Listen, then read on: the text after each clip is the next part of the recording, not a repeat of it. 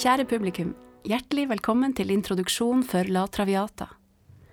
Mitt navn er Frida Stenhoff Hov. Jeg er formidler her i Operaen og har fått gleden av å fortelle dere om forestillinga.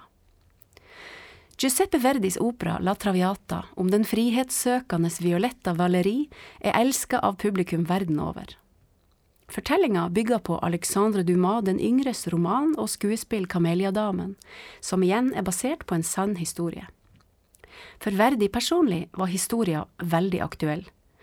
Virkelighetens La Traviata het Alfonsine Duplessis, ble kalt Marie, og var en kjent kurtisane eller luksusprostituert i selskapslivet i Paris.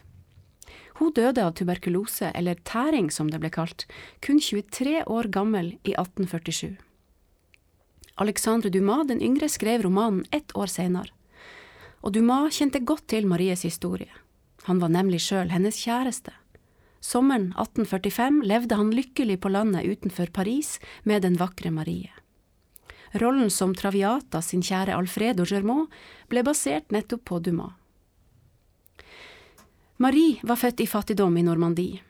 Mora var tjenestejente og forlot henne tidlig for å jobbe. Faren var alkoholisert og solgte kroppen hennes til eldre menn. Hun ble sendt til Paris for å jobbe, men i kjolebutikken hun fikk arbeid tjente hun så lite at hun faktisk sulta, og begynte raskt å selge kroppen sin også der. Det ga mye mer inntekt. Med stadig rikere og mektigere elskere og et stadig høyere pengeforbruk ble hun på kort tid en av byens mest ettertrakta kvinner. I datidens Paris var det ikke uvanlig at velstående menn holdt elskerinner fra arbeiderklassen som de støtta økonomisk. Det var uten tvil snakk om prostitusjon, men det foregikk ikke på gata. Nei, det foregikk i fornemme leiligheter som jentene ofte disponerte. Disse leilighetene ble en møteplass og en viktig arena for byens mektigste menn. Å ha en elskerinne som Marie ga mannen høy status. I dag kunne vi kanskje sammenlignet statusen med å eie en riktig dyr bil, en Jaguar. For de her jentene ble det en måte å klatre på den sosiale rangstigen. Fra å være ingen til å menge seg med grever og baroner og holde overdådige fester for fiffen i Paris. Temaet var brennhett i sin samtid, og operaen ble skrevet kun fem år etter Maries død. Stort mer aktuelt er det neppe mulig å få det. Verdi sa til sin librettist, jeg vil ikke ha noen av de dagligdagse temaene som det finnes hundrevis av. Så han tok en outsiderskikkelse som Violetta og gjorde henne til en tragisk heltinne på operascenen, noe som var ganske uvanlig.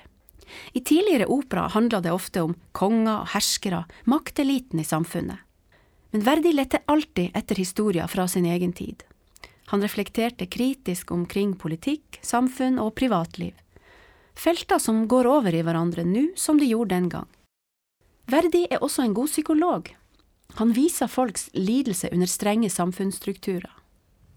Tanken var dessuten at kostymene skulle vise datidens mote, men det ble altfor skandaløst. Han ble tvunget til å sette handlinga tilbake til 1700-tallet. Det ble for umoralsk å vise samtidens skitne virkelighet på en scene, attpåtil med vakker musikk attåt. Sannsynligvis var også Verdi inspirert av sitt eget privatliv da han skrev operaen. Etter at hans kone og to barn døde av sykdom, bodde han i mange år sammen med sangeren Giuseppina Streponi, som fra før hadde to barn utenfor ekteskap. De bodde sammen uten å være gift, og ble derfor fryst ut av lokalmiljøet der de var. Verdi måtte hele resten av livet rettferdiggjøre dette samboerskapet. Han var en moderne mann, og mente ingen kunne dømme andre for hvilke forhold de valgte å ha. Operaens tittel, La Traviata, kan på norsk bety Den frafalne, eller Den som har gått seg vill. Her ligger en dobbel betydning. Ikke bare som prostituert, men også noe vekk fra den smale sti. Det viser til noe utenfor samfunnet. Verdi var 40 år gammel da han skrev denne operaen, og inne i en svært produktiv periode som operakomponist. En annen veldig populær opera, Rigoletto, ble også komponert i denne perioden. I musikken setter Verdi lyse strykere opp mot en sprudlende festmusikk og noen virkelig flotte korpartier. Det er variert, melodisk, musikken er virtuos med mange raske, korte tonesprang. Og spesielt gjelder det her for Violetta sin rolle. Violetta har noen virkelig imponerende koloraturpartier, som krever en dyktig sanger for å mestre det her.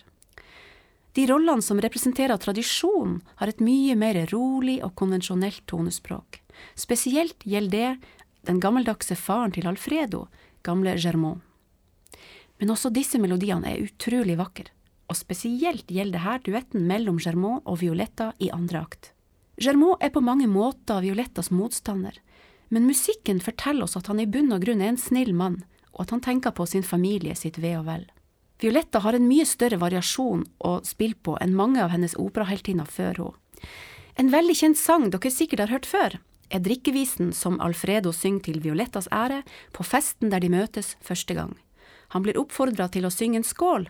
På italiensk kalles det en brindisi, og da synger han sin kjente Libiamo nelieti calici, la oss drikke fra gledens begre.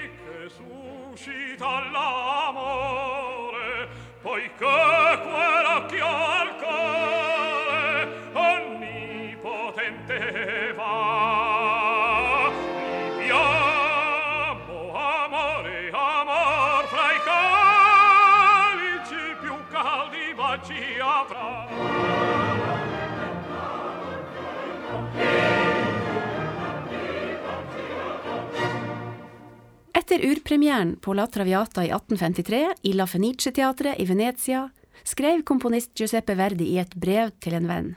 La Traviata i går kveld var en fiasko. Var det min eller sangernes skyld? Tiden vil vise. Og i ettertida har Maries historie blitt fortalt igjen og igjen, tolka av ikoniske kunstnere som operasangeren Maria Callas, skuespilleren Sara Bernard eller ballettdanseren Margot Fontaine. Vi har sett den i filmer som Pretty Woman og Moulin Rouge. Per i dag er La Traviata verdens mest spilte opera. Ifølge nettstedet Operabase sin statistikk troner La Traviata på en soleklar førsteplass, med 749 produksjoner bare i løpet av de siste fem år.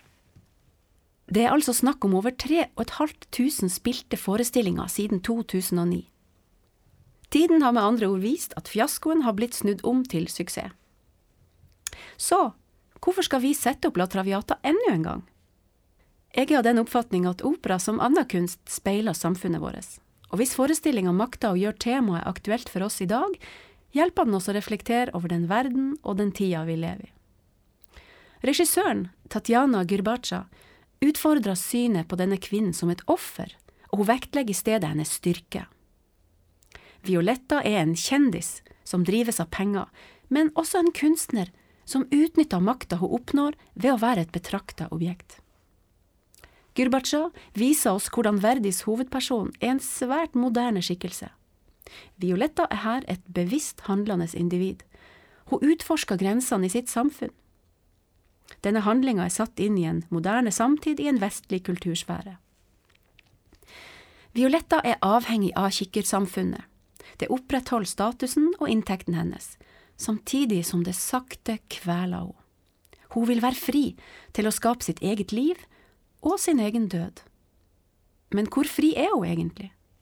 Bestemmer vi egentlig sjøl hvilke liv vi skal leve, uavhengig av samfunnet? Det her har ikke jeg svaret på, det må dere få tenke på sjøl. Scenografien er enkel. Den er ikke låst til noen spesiell tidsepoke. Som historien er den tidløs. På scenen står en stor trescene, som et slags bord eller en stor catwalk med et parkett i ganske stilig mønster. Det er en horisontal og en vertikal plate i samme utforming.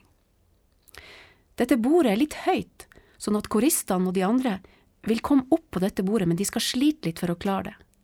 Det kommer av at Violetta er der oppe, og alle vil gjøre som hun, og vil være der hun er. Disse to plattingene er rett og slett lagd av finerplate, som er påført et vannavstøtende fyllstoff, og så deretter beisa. Beisen er jo vannbasert, så den vil prelle av der fyllstoffet er påført, og det her det danner den rustikke overflata. Etterpå er platene kutta opp og satt sammen i det vakre mønsteret, akkurat som man gjør med parkett. Personlig synes jeg både mønsteret og fargepaletten kan minne om kubistiske malerier, en kunstretning som for øvrig også oppstod i Paris. Denne scenen blir mindre etter hvert. Deler tas vekk underveis, den demonteres, ettersom Violetta mister mer og mer i livet sitt. Til slutt gjenstår det kun en tynn catwalk før den fremste sceneplattingen kjøres litt frem, mot publikum. I kostymene starta det enkelt, med sorte kjoler og dresser på koret. Kun Violetta og hennes tjenestejente har farger på kjolen. Violettas kjole er i hudtoner med blodfarge nederst. I akt to har Traviata stilig dress i første scene, og Violettas styrke vises også i kostymene. Det hun har på, følger koret opp i neste scene. Alle følger Violetta. I akt to får alle i koret på drakter eller dress i beige og gråbrune toner, litt som fargeskalaen i parketten. Så til handlinga. Da det blir klart for den prostituerte Violetta Valery at hun ikke har lenge igjen å leve, forandres alt for henne. Violetta er en material girl, hun selger seg fordi hun må tjene penger. Vi starta midt i en fest som den ertetrakta Violetta holder for rikfolk i Paris. Festen har på en måte stivna helt. Violetta er den eneste som beveger seg.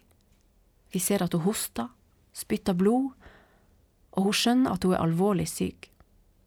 Så fyker festen videre. Gaston presenterer dikteren Alfredo Germont for Violetta.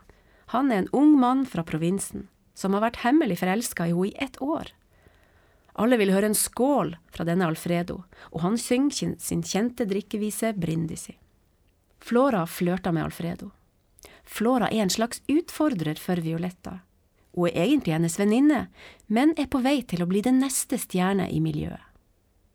Gaston er den som bringer Alfredo inn i dette samfunnet, han kjenner lingoen, språket i miljøet. Violetta er hovedunderholdninga på festen. Hun begynner å kle av sin elsker baron Dufold buksene. Resten av damene følger hennes eksempel, mens alle mennene danser en slags sakte strippedans. Vi ser også Violettas tjenestejente Anina. Hun er med i starten av forestillinga også, sjøl om hun ikke har syngerolle før litt uti. Anina er i starten av karrieren, og hun er med for å lære av Violetta. Violetta blir plutselig dårlig. Alfredo holder flokken på avstand og gir henne plass. Vi kan føle at de værer en slags katastrofe, men alle går. Violetta sverger til øyeblikkets beruselse som livets eneste mening, men likevel kan hun ikke helt lukke øynene for Alfredo og den virkningen han har på henne ikke minst siden han ved første anledning kommer med ei glødende kjærlighetserklæring til henne, og overøser henne med kjærlighetsbrev. Sjøl om Violetta har lært at penger er det eneste som teller her i livet, og at følelser ikke er til å stole på, er hun berørt. Ved avskjeden gir hun Alfredo et tegn som viser at han skal få komme tilbake neste dag. Og idet alle festdeltakerne går hjem, ser Violetta dem i et helt nytt lys. De tar form som et stort, absurd tog som kryper eller svømmer over scenen, med bisarre kostymer, nakendrakter, dyrehoder, kyllingmasker, girlandere og partyhatter. Vi ser nå disse festdeltakerne gjennom Violettas øyne, og hun fristes av denne plutselige kjærligheten. Men hun ser samtidig det håpløse i det, og syng til frihetens pris den kjente og triumferende arien Sempre libera, alltid fri. Underveis ser vi hun og tjenestejenta Anina loppe de trøtte festdeltakerne for penger.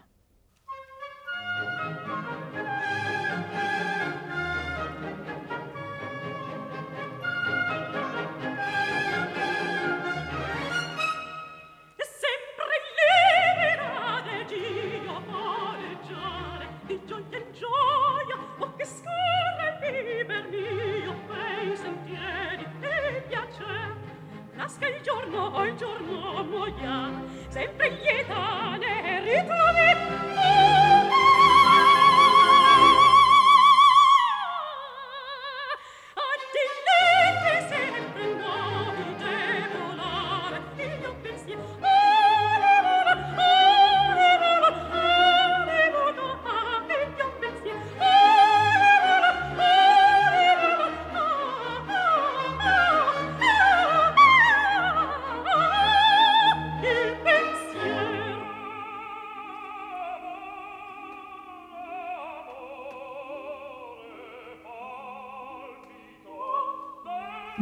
Alfredos ord slipper ikke taket i Violetta.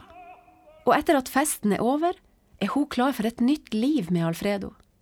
Han er hennes sjanse til å komme seg ut av det fastlåste miljøet i Paris. Og sykdommen gir henne en ny frihet. Hun kan gjøre hva hun vil. Hun har jo ikke lang tid igjen uansett. Noen måneder seinere har Violetta brutt helt og holdent med pariserkretsene og trukket seg tilbake til landet sammen med Alfredo. Men Alfredo er naiv, han ser ikke at Violetta i hemmelighet selger sine eiendeler for å finansiere deres felles liv. Hun selger alt hun eier for å bruke pengene mens hun ennå lever. Ifølge regissøren er dette et sterkt antikapitalistisk budskap. Men da Alfredo blir klar over at hun gjør det, skammer han seg dypt. Han vil ikke bli forsørga av en kvinne. Alfredos far oppsøker Violetta mens Alfredo er borte. Faren, Giorgio Germont, forlanger at Violetta skal gi avkall på Alfredo så ikke familiens rykte og det forestående bryllupet til Alfredo sin søster skal settes på spill. Hans lillesøster står i fare for å bli den neste Traviata hvis Alfredo insisterer på å være sammen med Violetta. Violetta er under sterkt press. Det er akkurat som Alfredos fars ord blir visualisert gjennom Traviata sjøl. Den jenta kommer på scenen. Vi ser hun blir dansa med, blir kurtisert av en mengde menn. Vi ser de ta av henne kjolen. Vi ser hun ikle jenta sine egne klær. De er altfor store. Akkurat som hun vil verne henne fra samfunnets grådige blikk. Det blir som et bilde på henne sjøl som liten, og ønsket om å beskytte denne jenta, siden hun sjøl ikke fikk noen beskyttelse. Under stort press gir Violetta til slutt etter. Men hun truer med å ta sitt eget liv, og hun krever at Alfredo skal få vite om hennes offer. Hun ber Alfredos far trøste seg som en datter for å gi henne styrke. Som hun sier til han, Alfredo er min eneste familie, han er den eneste som noensinne har vist omsorg og kjærlighet til meg. Og en siste gang forsøker hun å forsikre seg om Alfredos kjærlighet, før hun reiser bort i hemmelighet. Hun etterlater et brev der Alfredo får vite at hun har forlatt han og vendt tilbake til sin gamle tilværelse i Paris. Nok et uvanlig regigrep i denne produksjonen er at også Alfredos familie er på scenen. Vi skal virkelig føle presset mellom familien og Violetta. Alfredo er sterkt knytta til dem, de er for han veldig vanskelig å forlate. Faren forsøker å overtale den fortvilte sønnen til å dra hjem til familien igjen, men forgjeves. Alfredo vil til Paris for å hevne seg på Violetta. På festen hos Flora går praten om at Violetta skal ha vendt tilbake til Baron Dufoll, og gjestene ser frem til å ta et oppgjør med henne etter at hun valgte å forlate samfunnet. Idet Violetta og baronen ankom festen, får vi virkelig føle at vennligheten er overfladisk. De har påklistra smil, alle replikkene har dobbel betydning. Operakoret tar form som det samfunnet Violetta forlot, og de straffer henne hardt for det. Violetta blir tilsølt og ydmyka, og blir trakassert og til slutt voldtatt av Gaston, som jo var den som introduserte Alfredo for Violetta. Alle ser på. Violetta sjøl blir passiv og distansert, og samler seg sammen og reiser seg opp igjen. Baron Dufoll har latt det hele skje, men nå later han som han trøster henne og skjuler henne for Alfredo idet han ankom festen. Alfredo vinner et stort beløp i spill, over baronen. I det skjulte ber Violetta Alfredo om å forlate festen, for hun frykter baronen vil drepe han. Men Alfredo misforstår. Han tror hun elsker baronen. Etter en heftig krangel kaster Alfredo pengene foran føttene på henne, foran alle de andre, for å betale henne for hennes kjærlighetstjenester. En total ydmykelse. Faren hans, Germaud, har vært vitne til scenen, og midt i all oppstandelsen irettesetter han Alfredo, som straks bebreider seg sjøl. Til slutt utfordra baron Alfredo til duell. Violetta synger om sin kjærlighet til Alfredo, og i en ny slags drømmesekvens ser vi Violettas fantasi om det som kunne ha skjedd. Alle slipper det de har i hendene og danser med hverandre, en liten vals, som ender i et stort tog av dansende korister, og dette ender med at vi ser en pistol komme opp i mengden. Baronen sikter den på Alfredo, og Alfredo faller sammen. Men igjen, dette er Violettas fantasi. I et åpent sceneskift mot tredje akt ser vi den store treplata deles opp i mindre deler. Violettas liv har blitt vanskeligere, hennes muligheter krymper, hun har mista nesten alt. Scenemodulene tar form som et halvt kors, på en måte. Det ligner et gravkammer eller et mausoleum. Violetta ligger for døden i ensomhet. Hun er fullstendig klar over at alt håp er ute, sjøl om legen sier at hun snart blir bedre. Germaud har skrevet et brev til henne og fortalt at han har latt Alfredo få vite hva som egentlig har skjedd, og at Alfredo vil oppsøke henne. Men Violetta venter i stadig større fortvilelse. Mens Violetta tar avskjed med livet, feires det karneval i Paris. Og hun synger sitt farvel med fortiden, med alle drømmene sine, den vakre arien av Dio del Passato.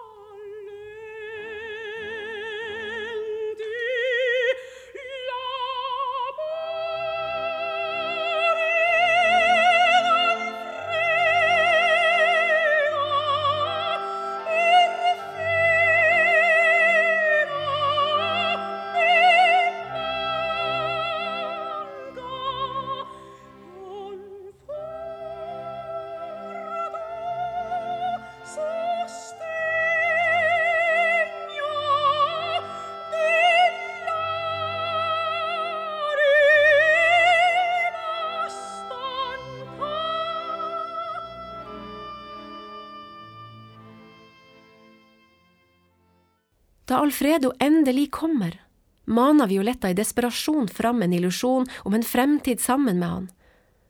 Hun ser ikke at Alfredos nye forlovede er sammen med han. Germaud, hans far, kommer også, men Germaud sin bønn om tilgivelse betyr ingenting, det er for seint. Violetta synger om hva som nå vil skje med Alfredo etter hennes død, og hun synger om at hun sjøl ønsker å bli huska som en som elsker.